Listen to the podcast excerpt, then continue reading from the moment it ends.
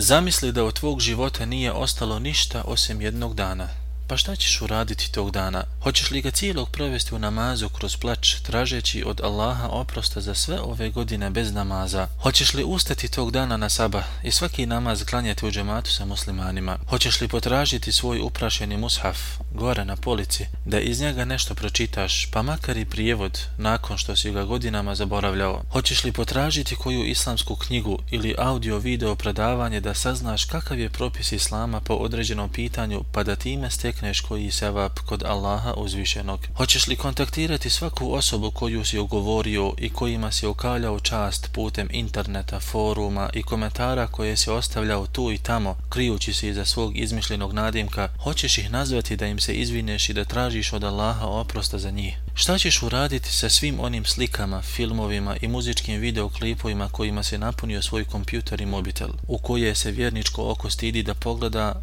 a uho da sluša. Hoćeš li požuriti da nazoveš svoju bližu rodbinu ili da ih posjetiš ciljem spajanja rodbinske veze nakon što si je prekidao godinama pod izgovorom zauzetosti i prezaposlenosti? Zašto ne uradiš sve ovo sada, a ti znaš da ne znaš da li ti je ostao i jedan dan od tvog života? Rekao je Allah uzvišeni Hatta iza jaa ahadahumul mautu kala rabbir dži'un sve dok nekom od njih smrt ne dođe, on uzvikne, gospodaru moj, povrati me, la'alli a'malu salihan fima tarakt.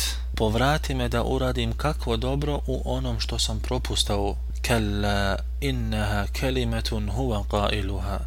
Nikada to su riječi koje će on uzalud govoriti.